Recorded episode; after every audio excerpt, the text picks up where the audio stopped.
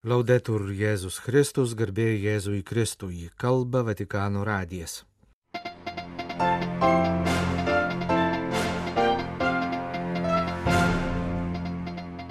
Popiežiaus audiencijos penktadienio rytą čia buvių tautų forumui ir Italijos Penkiakovės federacijai. Ir Vatikane paskirtas nepilnamečio apsaugos referentas Europos viskupų konferencijų atstovai Prahoje užbaigė kontinentinį sinodinį susitikimą. Europos šalyse melžiamasi už taiką Ukrainoje. Nikaragvoje teisiamas vyskupas, atsisakęs išvykti iš šalies, atsidūrė kalėjime. Penktadienį vasario 10 dieną popiežius Pranciškus priėmė Romoje vykstančio Tarptautinio žemės ūkio plėtros fondo surenkto čia buvių tautų forumo dalyvius. Sveikindamas forumo dalyvius ir dėkodamas už rūpinimąsi vietinių tautų teisėmis ir pažanga, kuri yra labai glaudžiai susijusi su aplinkos apsauga, popiežius sakė, kad mūsų laikų žmonija išgyvena precedento neturinčią socialinę ir aplinkosaugos krizę. Si realmente queremos cuidar nuestra casa común y mejorar el planeta en el que vivimos, Jei tikrai norime pasirūpinti savo bendrais namais ir pagerinti planetos, kurioje gyvename būklę, būtina iš esmės keisti gyvenimo būdą, gamybos ir vartojimo įpročius, sakė Pranciškus. Tai kartu reiškia pareigą labiau įsiklausyti į čia buvių tautų balsą, mokytis iš jų gyvenimo būdo, kad suprastume, jog negalime toliau godžiai eikvoti gamtos išteklių. Žemė mums yra patikėta tam, kad ji būtų mūsų motina, aprūpinančia kiekvieną žmogų tuo, ko jam reikia gyvenimui. Popiežius kreipėsi į visą tarptautinę bendruomenę ir ypač į tų šalių, kuriuose gyvena čia buvių tautos vyriausybės ir prašė pripažinti čia buvių tautas su jų kultūromis, kalbomis, vertybėmis ir dvasingumu, gerbti jų orumą ir teisės. Nepaisyti čia buvių tautų tai ir didelė klaida, ir didelė neteisybė. Čia buvių kultūros neturi būti transformuotos į šio laikinę kultūrą. Reikia jas gerbti, reikia leisti joms toliau eiti savuoju pažangos ir tobulėjimo keliu. Taip pat reikia įdėmiai įsiklausyti į čia buvių kultūrų išugdytą išmintį. Popiežius Pranciškus priėmė Italijos šiuolaikinės penkiakovės federacijos atstovus. Tai pirmas kartas, kai susitinku su šios sporto šakos, kurią sudaro fechtavimas, plaukimas, jodinėjimas, šaudimas ir bėgimas atstovais, prisipažino popiežius Pranciškus.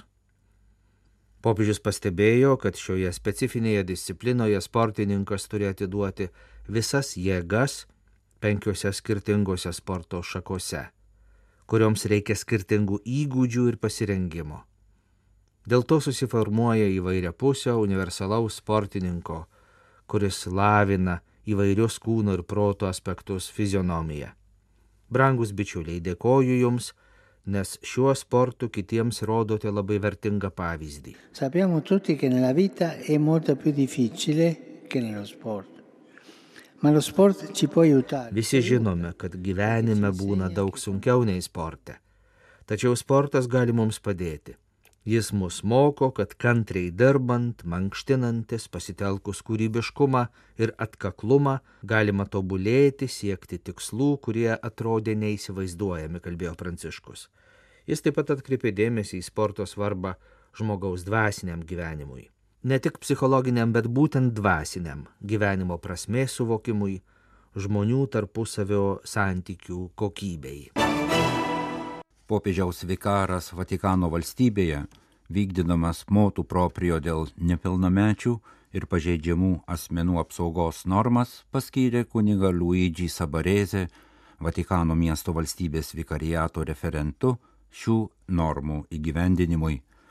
Popiežius 2019 m. dokumente patikino, jog nepilnamečių ir pažeidžiamų asmenų apsauga yra neatsiejama evangelinės žinios kurią bažnyčia ir visi jos nariai yra pašaukti skleisti visame pasaulyje dalis. referentui pavesta koordinuoti ir tikrinti aukščiau minėtų dokumentų gairių įgyvendinimą, kad vikariatui pavesta bendruomenė visuomet gerbtų ir žinotų nepilnamečių teisės ir poreikius, bei stengtųsi užkirsti kelią visų formų smurtui ir piknaudžiavimui, ypač pasturacinių darbuotojų formacijos srityje, rūpintis galimų seksualinės prievartos ir išnaudojimo aukų bei jų artimųjų dvasinių palydėjimų.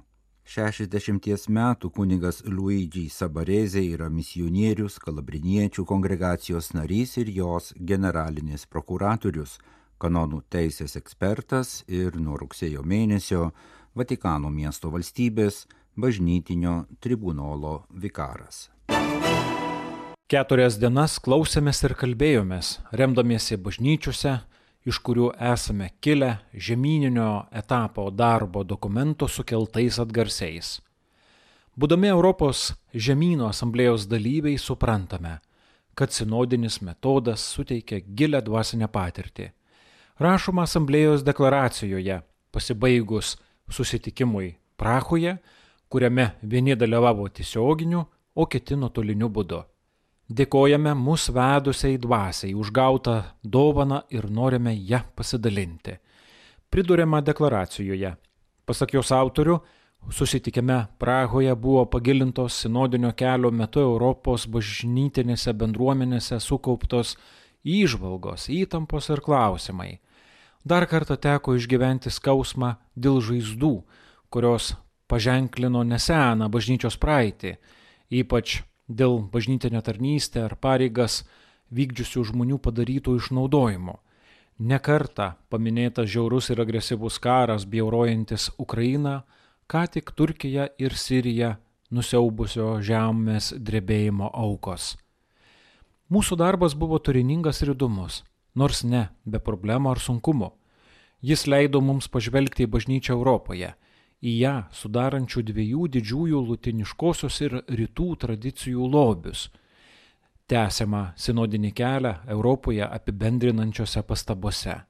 Tad, pažymė deklaracijos autoriai, su išaugusiu samoningumu jie gali patvirtinti, kad mūsų bažnyčia yra graži, joje esanti įvairovė yra mūsų visų turtas ir kad ją myli labiau nei anksčiau, nepaisant jos padarytų žaizdų, už kurias reikia prašyti atleidimo, kad būtų įmanoma pasukti susitaikymo, atminties gydimo ir sužeistųjų prieimimo keliu. Esame įsitikinę, kad tokie jausmai pripildo ir visų kitų žmonių, kurie nuo 2021 m. rugsėjo mėnesio dalyvauja 2021-2024 sinodo kelionėje širdis. Pasak Europos sinodinio kelio asamblėjos dalyvių, jie patyrė, kad įmanoma susitikti, išklausyti ir kalbėtis, nepaisant skirtumų, įmanoma peržengti daugybę sienų ir kliūčių pastatytų mūsų pačių istorijos. Turime mylėti įvairovę mūsų bažnyčioje ir remti vieni kitus abipusę pagarbą, stiprinami tikėjimo viešpačiu ir jo dvasios gale. Todėl yra verta eiti toliau pagal sinodinį stilių kuris labiau nei metodologija yra bažnytinis gyvenimo būdas, bendruomeninės išvalgos ir laiko ženklų atpažinimas. Siektina, kad ši žemyninė asamblėja netaptų vienkartinė patirtimi, bet reguliarių susitikimų, gristų visuotinių sinodinio metodo pritaikymu visose struktūrose ir visose lygiuose. Tai leis brandžiau ir intensyviau nagrinėti tas rytis, kur reikia mūsų pastangų. Sinodinis stilius taip pat leidžia spręsti įtampas iš misijų perspektyvos, be baimės, paralyžiaus, priešingai semintis iš jų energijos ir jėgų tęsti kelią. Europos sinodinio kelio etapo asamblėjos dalyviai išskyrė dvi įtampas. Viena tai vienybės skirtingume siekis ir vienodumo pagundos atmetimas, antra tai pasirengimas kaip besąlygiškos tėvo meilė savo vaikams, liudytojams, būti svetingiems ir tuo pat metu drąsiai skelbti visą Evangelijos tiesą. Meilė ir tiesa susitiks, žada Dievas. Tai manoma, kaip rodo žemyninės asamblėjos patirtis ir jos dalyvių bažnytinių bendruomenių istorija, ekumeninio ir tarp religinio dialogo patirtis. Bet visų pirma, įmanoma dėl Dievo malonės veikimo.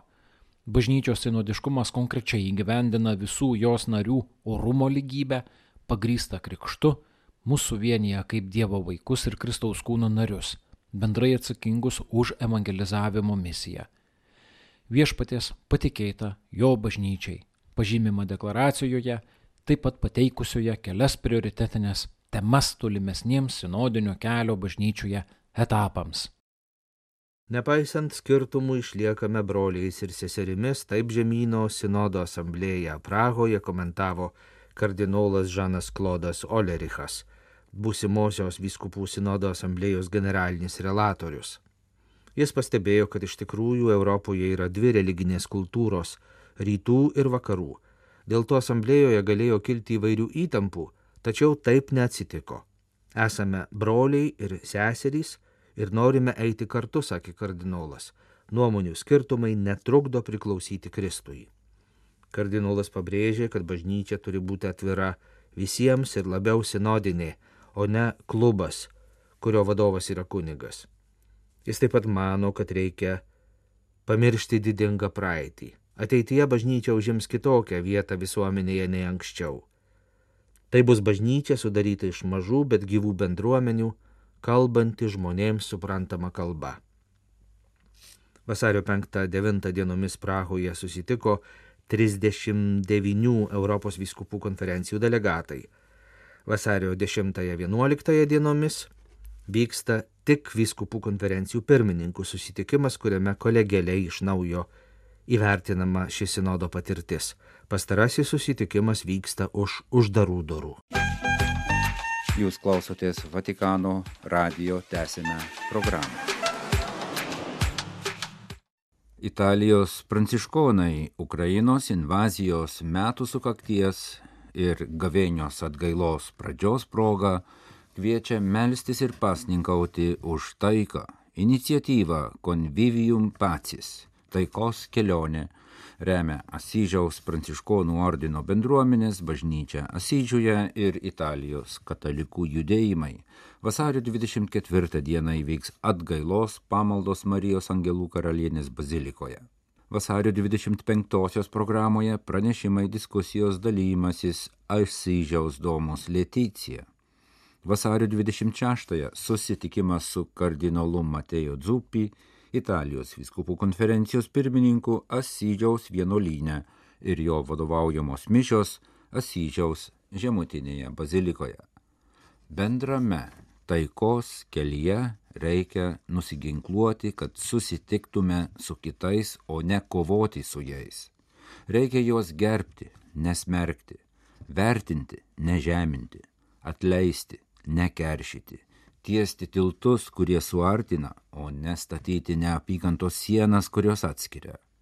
Būdami kaip broliai ir seserys galėsime atsiverti šventosios dvasios kvietimui, veiksmingai dalytis dialogo, susitaikymo, susitikimo ir atleidimo patirtimis, padėti bažnyčiai Italijoje pradėti vieningą ėjimą.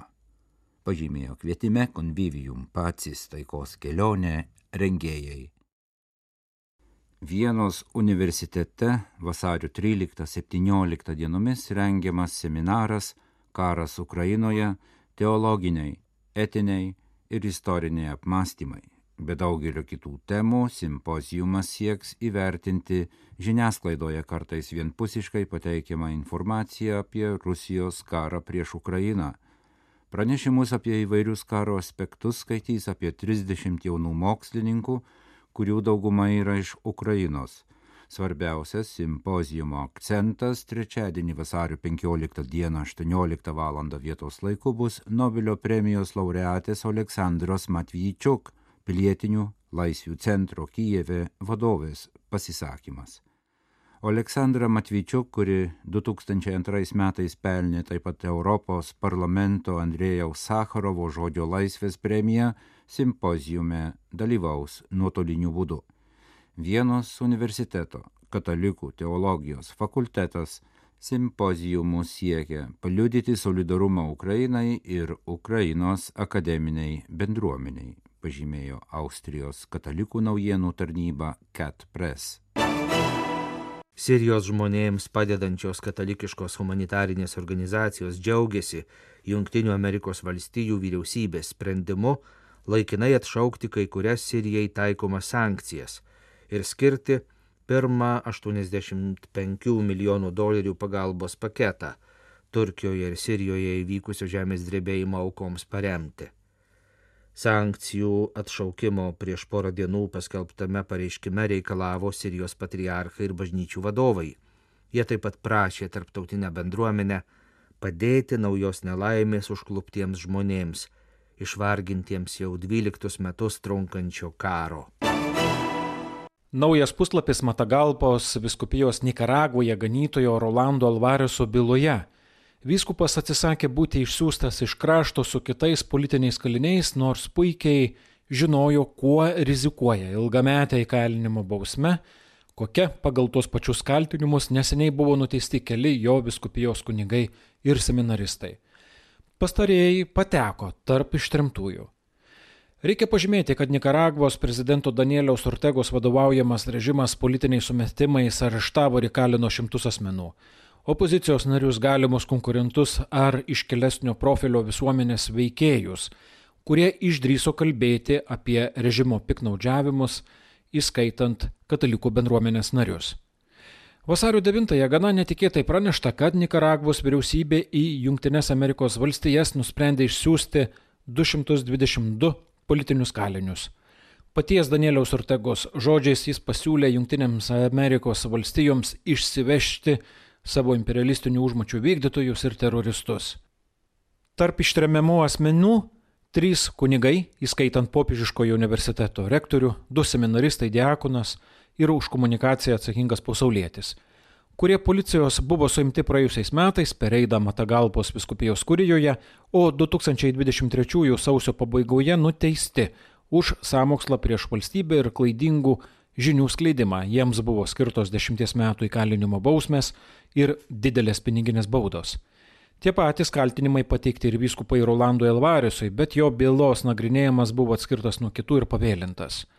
Tarp ištremiamų asmenų yra keli kitomis progomis areštuoti kunigai bei aktyvūs tikintieji pasauliečiai. Mažiausiai du katalikų kunigai dar lieka Nikaragvos kalėjimuose.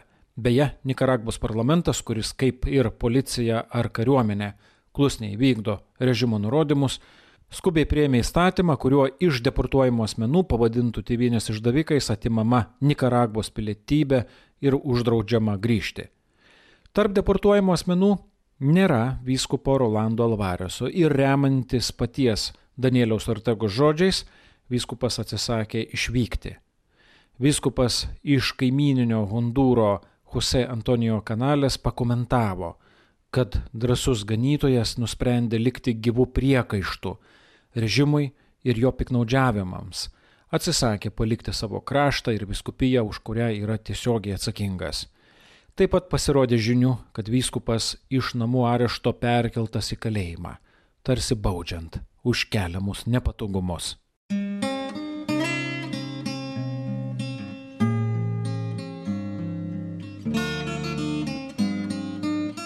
Kalba Vatikano radijas. Laidą lietuvių kalba baigėme. Garbėjai Jėzui Kristui, laudetur Jėzus Kristus.